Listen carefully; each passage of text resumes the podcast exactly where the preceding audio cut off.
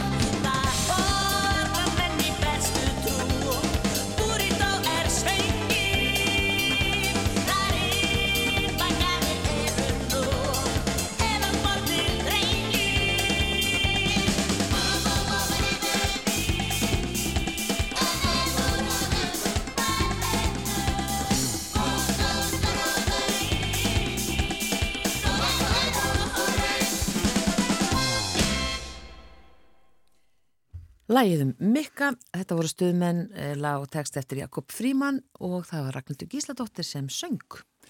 Já, uh, hingaði komin Páll Ólafsson, framkantastjóri farsældarsviðs barna og fjölskyldustofu. Uh, eh, Kondur sæl og velkomin í manlega þáttin.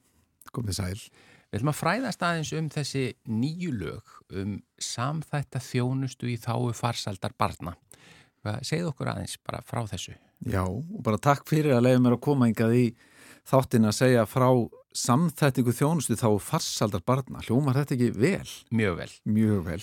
Já. Og uppað af þessu öllu saman er náttúrulega kannski blanda því að við sem höfum unnið í barnavæntakerfinu höfum fundið fyrir því að það er mikið álag á því kerfi og það eru cirka 5-6 þúsund börni á hverju ári í barnavæntakerfinu og það berast cirka 13.500 tilkynninga til barnavæntar á hverju ári og það eru þetta þá komið á einhvern stað sem við viljum ekki að börni séu komin á og vand er, sé, er orðin þannig að það er, að það er erfiðar að vinna með hann. Þannig að þessi lög er að reyna að búa til eða ætla sér að búa til, við ætlum að gera þetta, við ætlum ekki að reyna þetta, að byrja fyrr að vinna með vanda barna og fjölskyldna. Byrja mm. fyrr þannig að við getum leist vandan, hjálpa fjölskyldum, hjálpa börnum um leið og vandin kemur upp, um leið og uh, uh, uh, vandi fóreldra eða barna sínir sig. Þannig að, að, að því að sko það áðaði þetta til og maður er heyrt og við um það í þættinu hér að, að mál geta svona fallið eiginlega millir skips og bryggju eða, eða millir kerfa eða eitthvað slíkt. Já, ég ætlaði að mynda að segja það að fóreldrar upplefaðu þetta ofta að þetta kerfi okkar og þessi kerfi okkar séu eins og völandrúst, þau fari inn í það og þau rati ekki inn í því og þau rati ekki út úr því og þau fá kannski mismöndi skilabóð frá mismöndi sérfræðingum sem jafnvel tala ekki saman og þau fá að heyra eitt á öðru stað og öð, eitthvað annað á öðrum stað og þessi lög er að hjálpa okkur við að koma svona að skikja þetta, hjálpa fóruldrum, hjálpa börnum. Mm. Og hvað er það sem við ætlum að gera?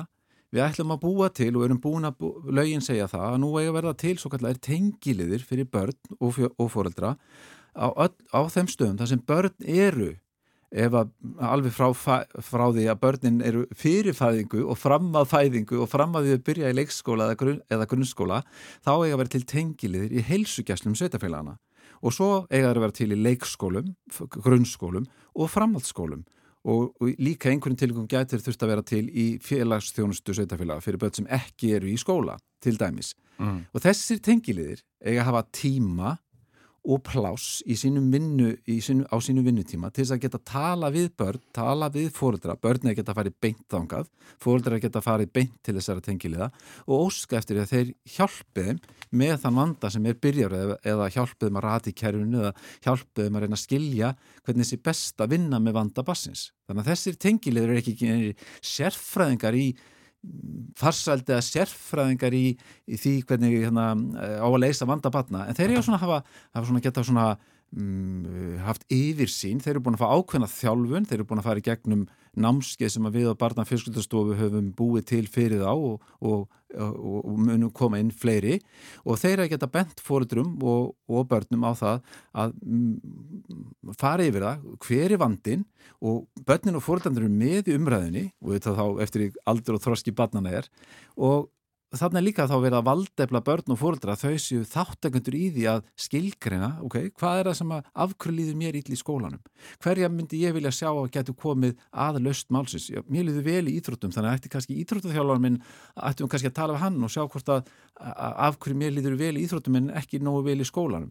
Skiljið að, að tengilurinn á að geta tengt saman fólk sem að kemur að löst málsins til þess að hjálpa til við að leysa vandan meðan hann er anþá minni, auðlesnari um, heldur en að býða og sjá til og vandin vefur upp á sig og verður þingri, verður floknari og endar kannski á því að fara inn á þriðastíð í barnavend. Er þetta þá eins konar kannski bara fararstjórar um kerfið? Því að sko foreldrar og fólk upplifur ofta að þurfi það skiptir bara málum að það er að læra sjálfur inn á kerfið hvert á að fara næst að því að fólk er ekki alveg leitt áfram. Ef að það er eitthvað að, eitthvað, eitthvað sem þarf að fá aðstóð við, þá er það bara undir þeim sjálfum komið að finna hva, hvert á að snúa sér. Já, við höfum stundum sagt að þessir tengilegir var þetta að hugsa sér að þessu einhvern svona leiðsugumenn í þessu völundarhúsi að þeir eru að reyna að greiða aðgengið að þjónustu þess að þurfa þeir að vita hvað er í bóði á fyrstastígi, öðrustígi og þriðastígi fyrir fóröldra og börn. Þeir eru að geta bent á, þeir eru að geta leiðbent, þeir eru að geta ráðlagt þannig að þeir hafa svona vissa yfirsýn þannig að þeir þurfa að hafa pláss í sinni vinnu til þess að gera þetta því að þetta eru bara ótrúlega flottir starfsmenn sveitafélaga og ríkisins sem að vinna í leikskólum, grunnskólum, framhaldsskólum og heilsugjæslu sem að taka þetta hlutverk, fá þetta hlutverk að vera tengilur. Þannig að þeir þurfa að vera svona aðlæg sem kunna að tala við börn og kunna að hlusta á börn eru opnir, eru uh, lausnarmiðaðir og hafa vissa yfir sín yfir það hvaða úrræður í bóði fyrir fóreldra og fyrir börn. Mm, þannig að þessi leðsögum þeir eru í störfum nú þegar. Já, þetta, þeir eru í störfum. Þetta er ekki ný störf. Nei, þetta er ekki ný störf en þetta er kannski, maður segja, þetta er nýtt hlutverk og þá er það þannig að segjum að sé kannski kennari í grunnskóla sem tekur að sér að vera tengilur, þá þarf að búa til pláss fyrir hann þannig að hann geti verið tengilur. Já, þetta má ekki bæta þessu bara algjörlega ofan á hans störf sem eru næg fyrir kannski. Nei, og auðvitað er misað hvernig sveitafjölu gerir þetta og þau eru að feta sig áfram í þessu og það er bara eiga hróskilið fyrir að vinna að innleðingu á farsaldalögunum Uh, mjög víða eru komin að stað bara mjög áhugaverð og skemmtileg vinna og maður hefur heyrt fóreldrar að segja frá því hvað miklu máli þetta skipti að einhver var með yfirsýnina, einhver gæti leiðbendið í þessu kerfi, einhver bara hafi tíma til að hlusta og tala og ég þurfti ekki að segja sjösunum frá vandamálunum heldur kannski bara einu sinni. Það er einmitt, ég menna, fólki fellum að bara fallast hendur að það þurfa að byrja á byrjanupunkti alltaf aftur á nýjum og nýjum stað. En málstjóri, hvað, Já, er, hvað er málstjóri? Málstjóri þá þannig að ef að það er svona, að því að við, áherslan er lögða þátt að fyrsta stík, að reyna að vinna málið fyrsta stík, tengilurinn er þar. Ef að, nú segjum að einhverjum tilvíkum þá gangi ekki að leysa málið á fyrsta stíki, þá má ósk eftir því að það verði málstjóri skipar. Hann er þá starfsmæður félagsþjónustu sveitafélags og hann býr til, hann er, meir, hann er svona skip, meira skipuleg kringum þetta og vinnur þannig að hann býr til eða getur búið til stuðnisteimi kringum barnið og fjölskyldinu og foreldarinn og börnin eru með í þessu stuðnisteimi. Þannig aftur er þarna verið að láta foreldarinn og börnin taka þátt í því að finna löstna vandanum og ákveða með málstjórunum eh, hverjir er að koma inn í þetta teimi hverja viljum við hafa sem aðila að löst málsins og hvaða vanda er það sem við viljum tala um í þessu, í þessu teimi. En e ef að foreldrarnir eða fjölskyldan veit ekki einu sinni hvað, hvað væri best?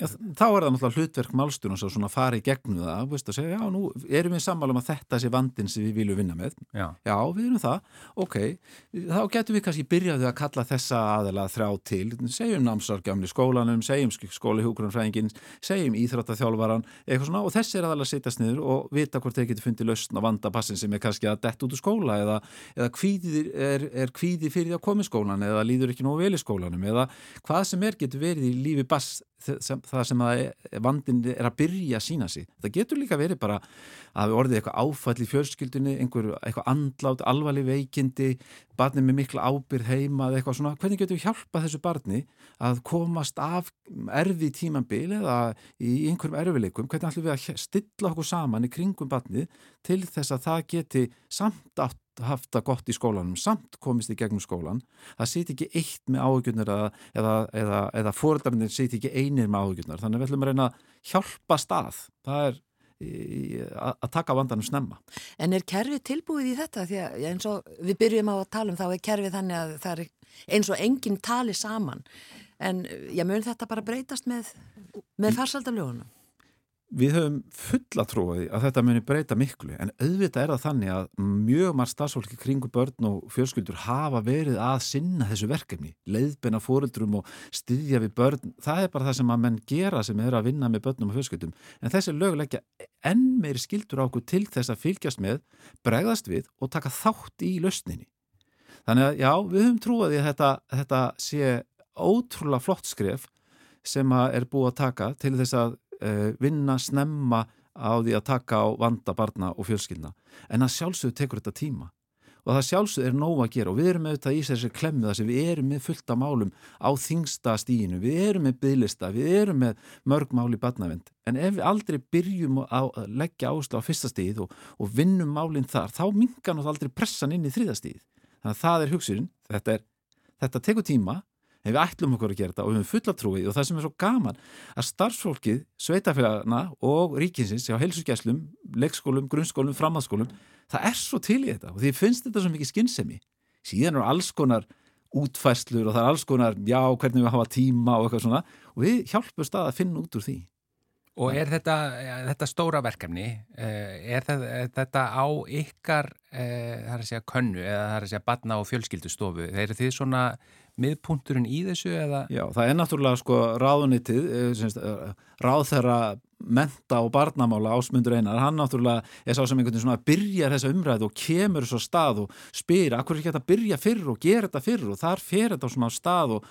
og síðan er ok, þessari stopnun sem ég vinn hjá, barna og fjölskyldustofu fengi það hlutverk að styðja við innleðinguna á þessum lögum á landsvísu. Því það er líka hluta þessu, það áverðurinn í sömu viðbröð hvort sem er í Reykjavík eða á Kópaskeri Þannig að börn eiga að fá sömu þjónustu við sama vanda þá við höfum að hlusta börn og finna börn og, og, og, hérna, og taka þátti að leysa vanda hvað sem þau eru. Þannig að auðvitað er útfæslan kannski mismöndi hvort það er í Hafnafyrðið eða hvort það er á Rauvaröfn, mismöndi eftir starf skóla, mismöndi eftir aðstæðum.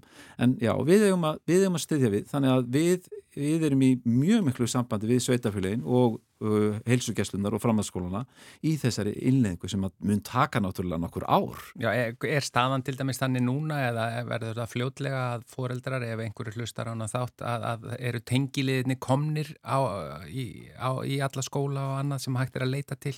Við getum kannski sagt sem svo að lögin tóku gildi 1. janúar 2022 þannig að, þannig að og, og, og, og í rauninni ætti að vera þannig núna að öll sveitafélag séu búin að tilnefna tengilið á þessum vinnustöðum en auðvitað er það kannski ekki alveg komið, að, að, komið þannig á öllum stöðum en ég hvet fóreldra til þess að spurjast fyrir, leita eftir því og þá setjum maður líka pressu á það að þetta gerist.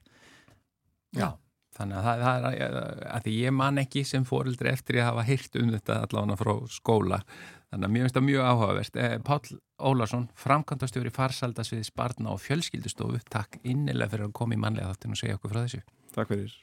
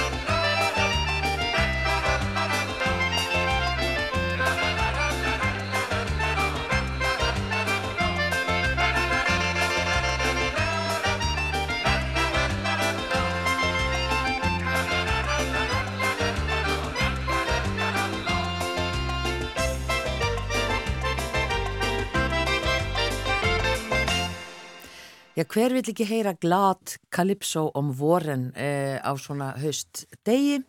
Þetta var Glenn Sundberg sem þarna eh, legg á nikuna og lagið eftir Olle Adolfsson. Já, eh, frábært lag.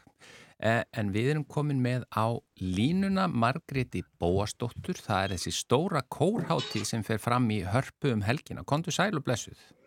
Já, komiði blessu á sæl. Kondu sæl og blessuð. Það er ekkert smá. Það er landsamband blandaðara kóra og félag íslenskra kórstjóra sem stendur að þessari háttíð og þið er ég vona á einni stærstu stjörnu kórtónlistar í heiminum í dag. Já, takk fyrir það. Það er bara, uh, við erum auðvitað bæði glöð og stolt yfir því að hann skildi vilja og geta komið og svo erum við náttúrulega alveg svakalega spennt fyrir því að, að hitta hann og vinna með honum og, og þetta er þannig að, að landsamband blandar að kóra og félag kórstjóra við í síðasta, á, á síðasta sumri 2022 þá sáum við um stóra norræna kóraháttíð sem það sem að komið 350 manns yngar til landsins og það gekk svo vel að við bara ákváðum að við skildum halda áfram að vinna saman að svona stórum verkefnum sem að menn auðvitað gæta alls ekki framkvæmt nema að leggja saman krafta og fjármagn og svo veltum við því fyrir okkur hvern ættum við nú að fá til þess að koma og svona vera með góða innspýtingu í, í Íslenskt kórastar sem að er náttúrulega alltaf byrja núna í haust. Og við ákvaðum bara að byrja á toppnum og sendum post og spurðum hvort að Erik Wittager myndi vilja koma. Og hann bara, eða umbóðsmaðurinn hann svaraði eiginlega strax og sagði að hann hefði bara alltaf langað til að koma til Íslands og þekkti aðeins til Ísla, íslenskara kóra og, og þar með var það bara slegir. Og Erik Whittaker, hann er, þú, þið segir bara hann er popstjarnar kórtónlistarinn er í dag. Já, það, sko, svona, það, er, það er ekki neikvægt að segja það. Hann það er sko Eh, það eru þetta svona, kannski hefur maður einhverja staðal eh, ímyndir og sér fyrir sér kórstjóra, ég, ég veit ekki hvernig, en hann allavega lítur frekar út eins og popstjarnar heldur en einhver hefðbundin eh, kórstjóri skulum við segja, hann er afskaplega hugulegur og sérmennandi, en aðalmálið er auðvitað að hann hefur sami tónlist sem að kórar samtíma hans bara elska að syngja. Hún er ekki einföld og hann er með mjög mikið svona ómstríðum djúsi hljómum sem að menn þurfa virkilega að leggja sér fram um að, að gera, að, að, að raun en tónlistarnas hún er bara svona, hún er svo seiðandi, kannski myndi einhverju segja hún væri svona pílti ætt við kvikmyndatónlist. En það sko skiptir ekki máli hvað maður, í hvað skúfu maður reynir að setja hana. Hann hefur sami mjög fjölbreytt verk, bæði einföld, kórverk og lög og líka floknari upp í 8 og 12 og 24 rattir og hvað veit ég. Og það sem að verður hér er það að hann vinnur með íslenskum kórstjórum og síðan uh, auglýstum við og völdum sex íslenska kóra úr hópi bara okkar bestu kóra sem að fá að vinna með honum uh, sagt, eitt til tvö verk sem, uh, sagt, hans eigin verk undir hans stjórn. Og það eru þessi loka tónleikar í Eldborg á sunnudaginn þar sem við auðvitað hvetjum alla til þess að koma og hlusta því að það er náttúrulega hverjum degi sem þú getur heyrt þessa tónlist hér og það undir hans stjórn og það með svona mörgum glæsilegum kórum. Já, og hann hefur, já fyrir ekki það? Já, en áður sko á laugadaginn þá erum við með svona open singing eða sing-along sem maður kallað á, á ef maður slettir að, að þá semst er bara svona opin söngstund í langkvöldskirkju þar sem allir geta komið og það þetta kostar aðgangum en til að hafa nótur en það er bara sko næri 250 manns búin að skrá sig til þess að koma og syng, það er raun og veru svona opið kóræning mm. og, og þá kemur semst fólk og syngur hans tónlist, ekki náttúrulega allra erfiðstu verkin, það væri nú einum of en þá semst fáminn að syngja undir hans stjórn og bara æfa hans verk. Og þetta er á lögadaginn milli 1 og 3 en svona eins og ég segi hápuntur þessara söngkáttiðar eru svo þessir loka tónleika klukkan 5 í Eldborg Já. En þetta ég sé að hann hafi byggt upp kóra samfélag á netinu sem hafi verið svona svakalega vinsælt Hva, hvað er það? Já, hann sko, e, það var í meiri sé að byrjað sko áður en að COVID kom en Já. svo auðvitað magnaðist það e eftir því sem leið á á hérna uh, á það, það tímabil að þá sem sagt gastu uh, tengdi inn á ákveðin uh, ákveð svæði og uh, kórar frá, eða semst bara fólk frá öllum heiminum gæt bara sungi á sama tíma og hort á hann stjórna. Já, bara yfir netið. Já. Já og, og þetta og, er ennþá. Og, og það er ennþá til sko, og hann er með ákveðin svona verkefni sem hann gerir svona og kallar bara virtual choirs og þá, þá getur bara tengt inn og farið á kórangi honum og sungið þetta er auðvitað, eh, hann auðvitað, hann má kannski líka segja að þetta hann sé ákveðin mm, gúrú eh, kóra núna um stundir er auðvitað það að hann auðvitað kann á það, það að nýta alla miðla. Já, akkurat. Og þetta lítur að vera mikill fengur fyrir kórstjóra. Já, þetta er auðvitað náttúrulega, auðvitað jafnast aldrei neitt á við það ef að tónskaldi kemur og segir hvað hann var að hugsa e, þegar hann samdi eitthvað verk eða samstafis í þessu tilfelli korverk og það er auðvitað, þetta er náttúrulega algjör kvalreki og, og og við getum alveg horst í auðvið það að ef við værum ekki Ísland með svona spennandi uh, landslægi og öllu því sem búið er að byggja upp í sambandi við Ísland þá kannski hefða nú ekki vilja koma sko en við allavega ætlum að sækjan í setnipartin í dag og byrjaði að fara með henni í bláalóni þannig að við vonandi verður hann nú bara ægilega gladur þegar hann kemur svo hótelið í kvöld og byrjar að vinna með okkur morgun. Svo hafaðu þetta margir þessar einslaði að vera í kór, þetta er alveg dásamlega skemmtilegt að syngja saman í kór og íslenski kórar ferðast halsvert e, utanlands og, og syngja ekki satt. Jú, jú, jú og það er meiri sér þannig að um síðustu helgi þá var hann með svona svipað verkefni í Barcelona og það var einn íslensku kór sem var búin að bóka sér þanga og fóra allir til Barcelona og söngundir hans stjórnum síðustu helgi þannig að það er nú ekki svoleiðis að, að við fylgjast ekki með því sem gerist í heiminum sko. en auðvitað er það alveg stórkoslegt að fá eh, menna, við erum alltaf að kaupa okkur flugfar og hótel og fara ekkert og það er náttúrulega er stórkoslegt að fá bara gestin heim í hús og um, við auðvitað hlökkum mjög mikið til að heyra þessa kóra, þetta eru sex kórar sem að syngja hver um sig sem sagt uh, eitt eða tvölega undir hans stjórn og svo syngur hver kór með sínum kórstjóra Eh, eitt íslenskt svona samtímaverk og svo enda kórarnir á því að syngja saman svona stort og hans þekktasta kórverk sem heitir Sleep og þá standa 170 kórsöngarar á sviðinu og syngja með hann. Já, hvaða, hvaða sex kórar eru þetta? Þetta er Kammerkón Norðurlands, uh, Kór Langholtskirkju, Kordia, Kór uh, Hátiskirkju, Spektrum, Söngkópur Yngveldar Írar og Raust Eh, sem er eh, eh, kór hérna Hrafnilda Blómstaberg og Guðmund Almáttur nú man ég ekki Nei, það, já, já, það er laglegt. Já, það kemur þetta, síðar, þetta kom aftan aðeir kannski þetta, hérna, en, en, hérna, en allavega það verður engin svíkina því að koma sko. Nei, þetta eru frábæri kórar allt saman. Já, og svo, já, og svo ætlum við sko hérna að um, e, semst, eitt lægið á tónleikonum, það verður eitt lægið sem við syngjum á þessari, þessari opnu kórafingu með honum á lögadaginn, þannig að þá fá allir sem er út í sall að syngja með. Já. Klukkan 5 í hörpu á sunnudaginn, Já. minnum á, á hérna, þá, þá tónleika líka, en takk kærlega fyrir þetta, Margret Bóastóttir og þetta er skemmtileg helgi framöndan fyrir þá sem hafa gaman af kórtónlist, já, sem eru gríðarlega margir á Íslandi. Mjög margir. Takk fyrir þetta. Takk sem er leiðis, já, bless.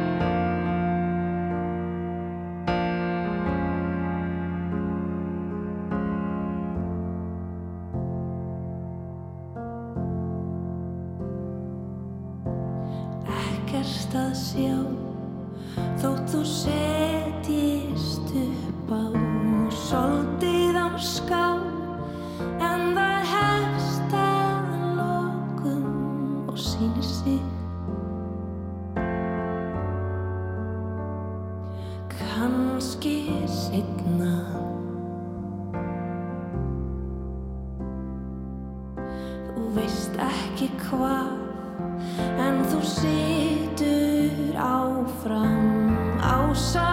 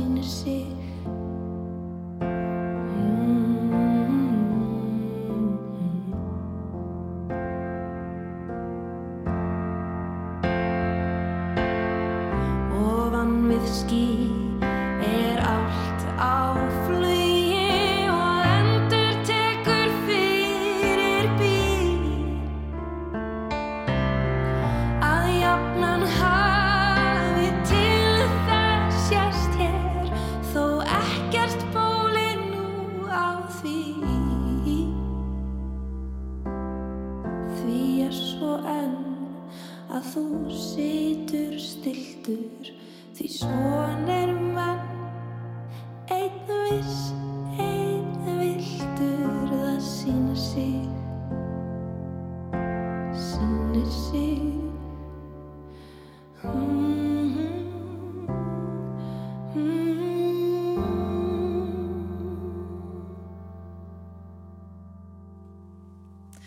Já, þetta var uh, Una Torfa að syngja þarna. Uh, það síni sig lag eftir Sigurð Guðmundsson lag og texti eftir, eftir hann. Og þetta var, nú mann ég ekki heitið að þátt, ég held að það veri stúdíó, Studio A. eitthvað svo leis. Já. Já. já, þetta voru að minnstakosti þættir hér í sjónvarpinu þar sem söngvaskáld komi. Þetta var upptaka úr þeim þætti. Já, þetta var live upptaka úr þeim þætti. Talandum live tónlist. Við erum komið með hérna mann sem er með bara heila möppu af munnhörpum sem hann ætlar að, kannski ekki spila þar allar, eh, Þorleifur Gaukur Davíðsson, velkomin í, í mannlega þáttin. Takk kærlega fyrir, indislegt að vera komin. Við, ég er ekki, við höfum ekki haft áður munnhörpuleikara. í Nei, það? ekki svo í muni að minnstu kosti, en þessi þáttir náttúrulega er að vera tíu ára þannig að Já, kannski var það einhvern tíman en það var, komið tími til. já, komið Já. tími til að rifja það upp.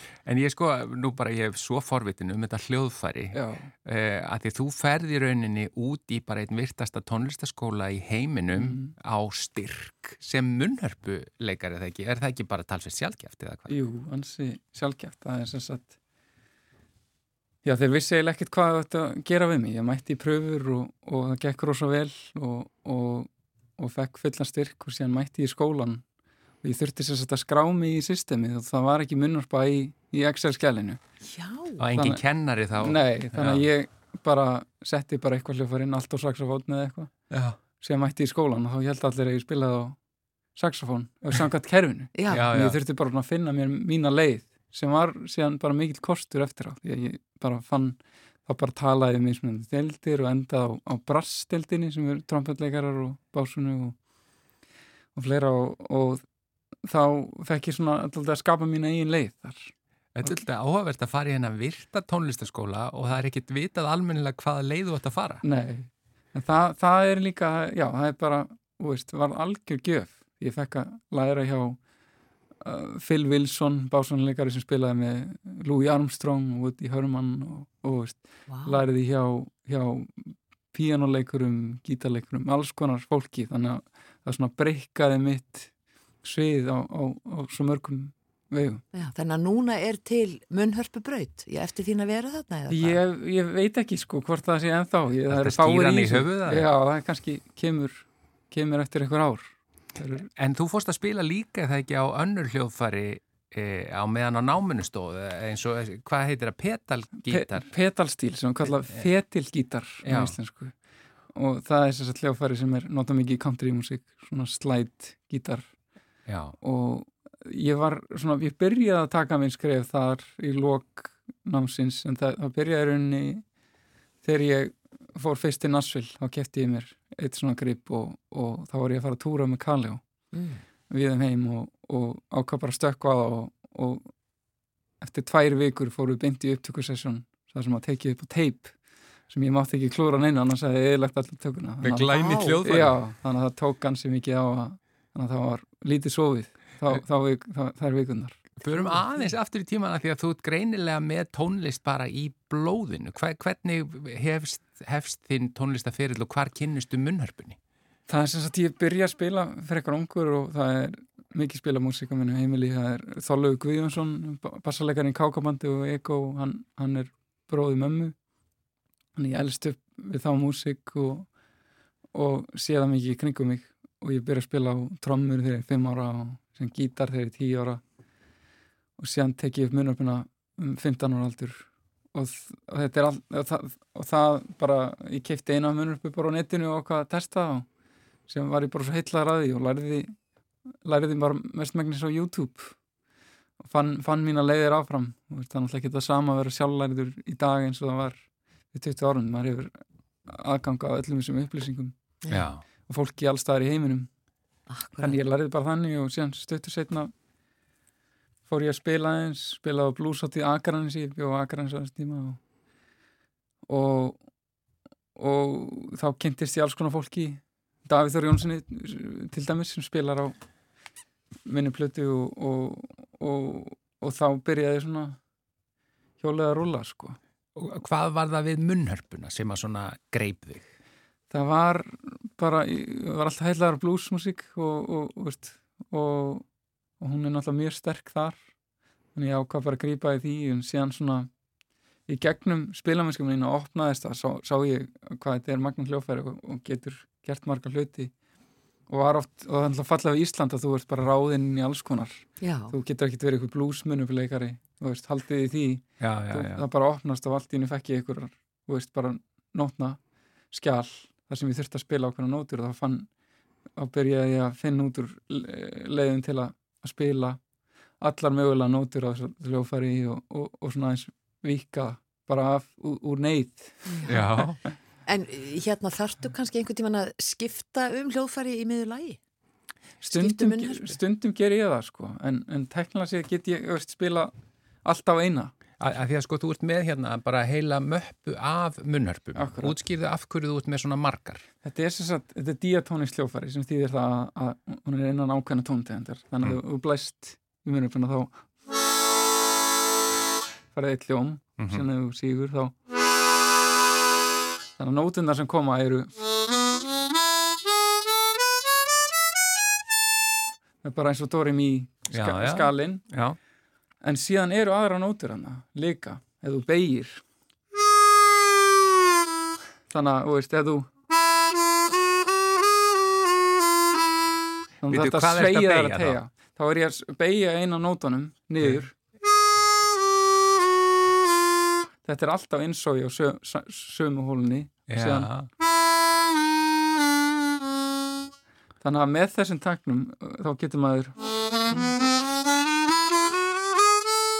náð öllum öllum mögulegum nótum Já. og þá, veist, en það hljóma mismandi vel og, og, og, og misopið þannig að þess vegna hefur maður þessar allar þessar mismandi hörpur því að stundum viltu hafa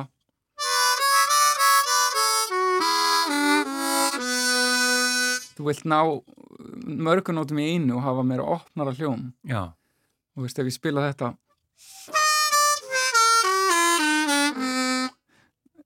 hálftónu upp þá hljómar það miklu meira svona, maður er að segja það til og það hefur ákveðin svona Já. ákveðin skekki við það sem getur verið sjálfmennandi í ákveðina músík. Já. en, en oft fyrir það sem ég spila þá vill maður hafa þetta opna sound.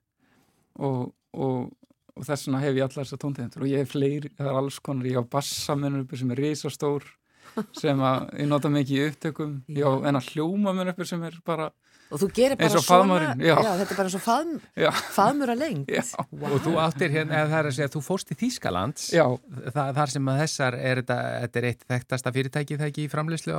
Hó- Hóner? eða Hóner Já. það er sem sagt og, og ég er orðin svona hvað kallar maður að Ertu á samningi hjá? samningi hjá þeim, já, ég er orðin svona Svona andlit þeirra andlet þeirra Já. og, og hef kíkt á það þar og, og síðan eru líka með bækistöðar í, í bandaríkjanum og ég fór á heimsætti versmiðina og, og þá var eitthvað námskið í gangi Harmonica Masters. Og ég lappa þar einu svona veit ekki alveg hvað ég á að gera og ég, ég mæti þarna með sýstu minni og vinkun hennar. Akkurat, ég var akkurat á tónleikaferðilega og átti akkurat auka dag hann á milli. Mm. og lappa þar inn og, og lappa inn í kennslustofu þar sem að 20 alveg stjarfir munöpunefendir sitja yfir, yfir kennara og ég þekki eitthvað til hana í þessum heimi þannig að ég, ég fekk, fekk að hoppa inn og, og, og spila eitt lag fyrir þau og, og þetta er lag sem er svona mjög bara tilfinninganænt fyrir mér og ég hugsa og að lítið um tæknina, það var bara strax og ég var búinn, það var bara upp með hendundar og, tækniska spurningar bara já, hvern, hvernig begður þriði hóluna í, í, í, í þriða takti hérna og, og, og ég svona reynda að segja því út aftur inn á bara þú veist, hvað þetta er þú veist, í rauninni Já. tækningatriðin er bara leið að, að tilfinningunni Er þú, er ég að skilja rétt, er þú að finna þá kannski svona þínar eigin leiðir í að eh, búa til tóna og annað sem að kannski hefur ekki verið gert áður eða hvað? Já, það er, það er nú alltaf maður finnur alltaf sína eigin leið en þetta, þetta stykki sérstaklega er sem sagt þá er ég að segja nótur báðu megin, þá er ég að, spila tvænótur í einu.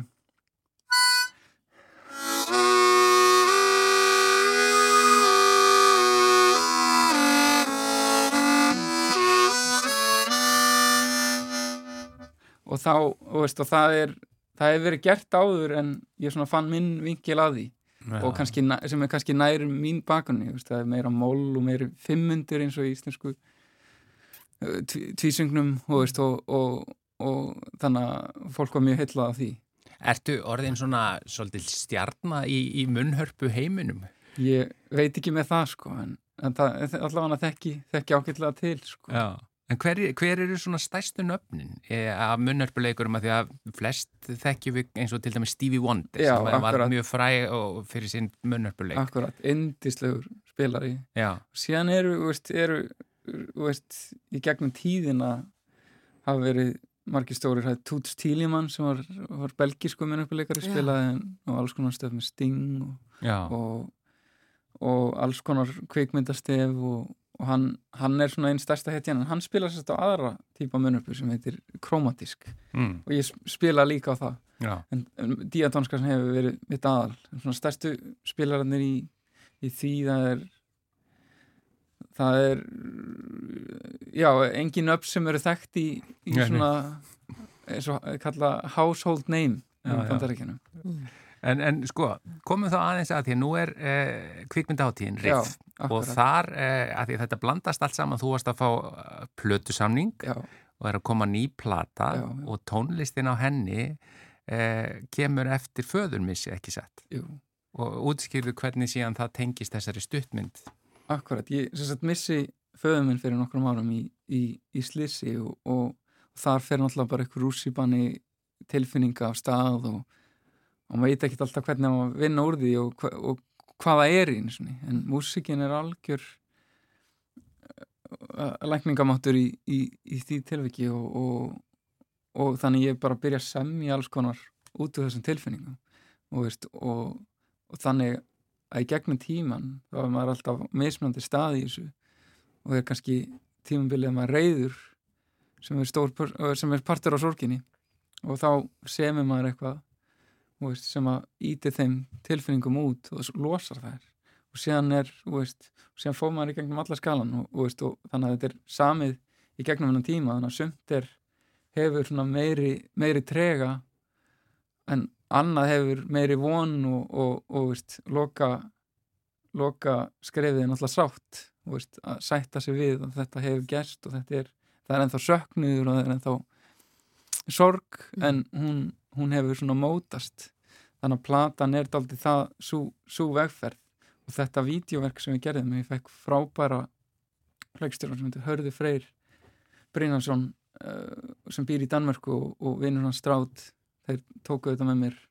Svo fekk ég Davíð uh, í, í Kalli og trámanin Kalli og til að hjálpa líka til að pródúsera.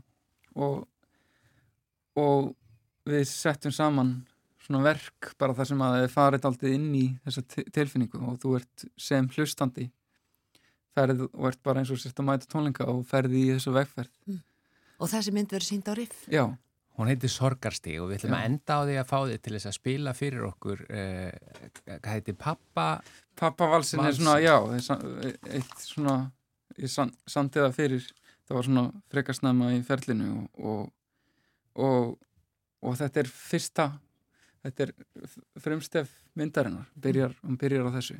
Að heyra það hér bara í lifandi flutningi, gjörðu svo vel. Já, við, við afsökum að það eru engir effektar hérna hjá, Já. þetta er bara óskum vennilegir Eh, talmikrofónar en Gjörðu svo vel. Takk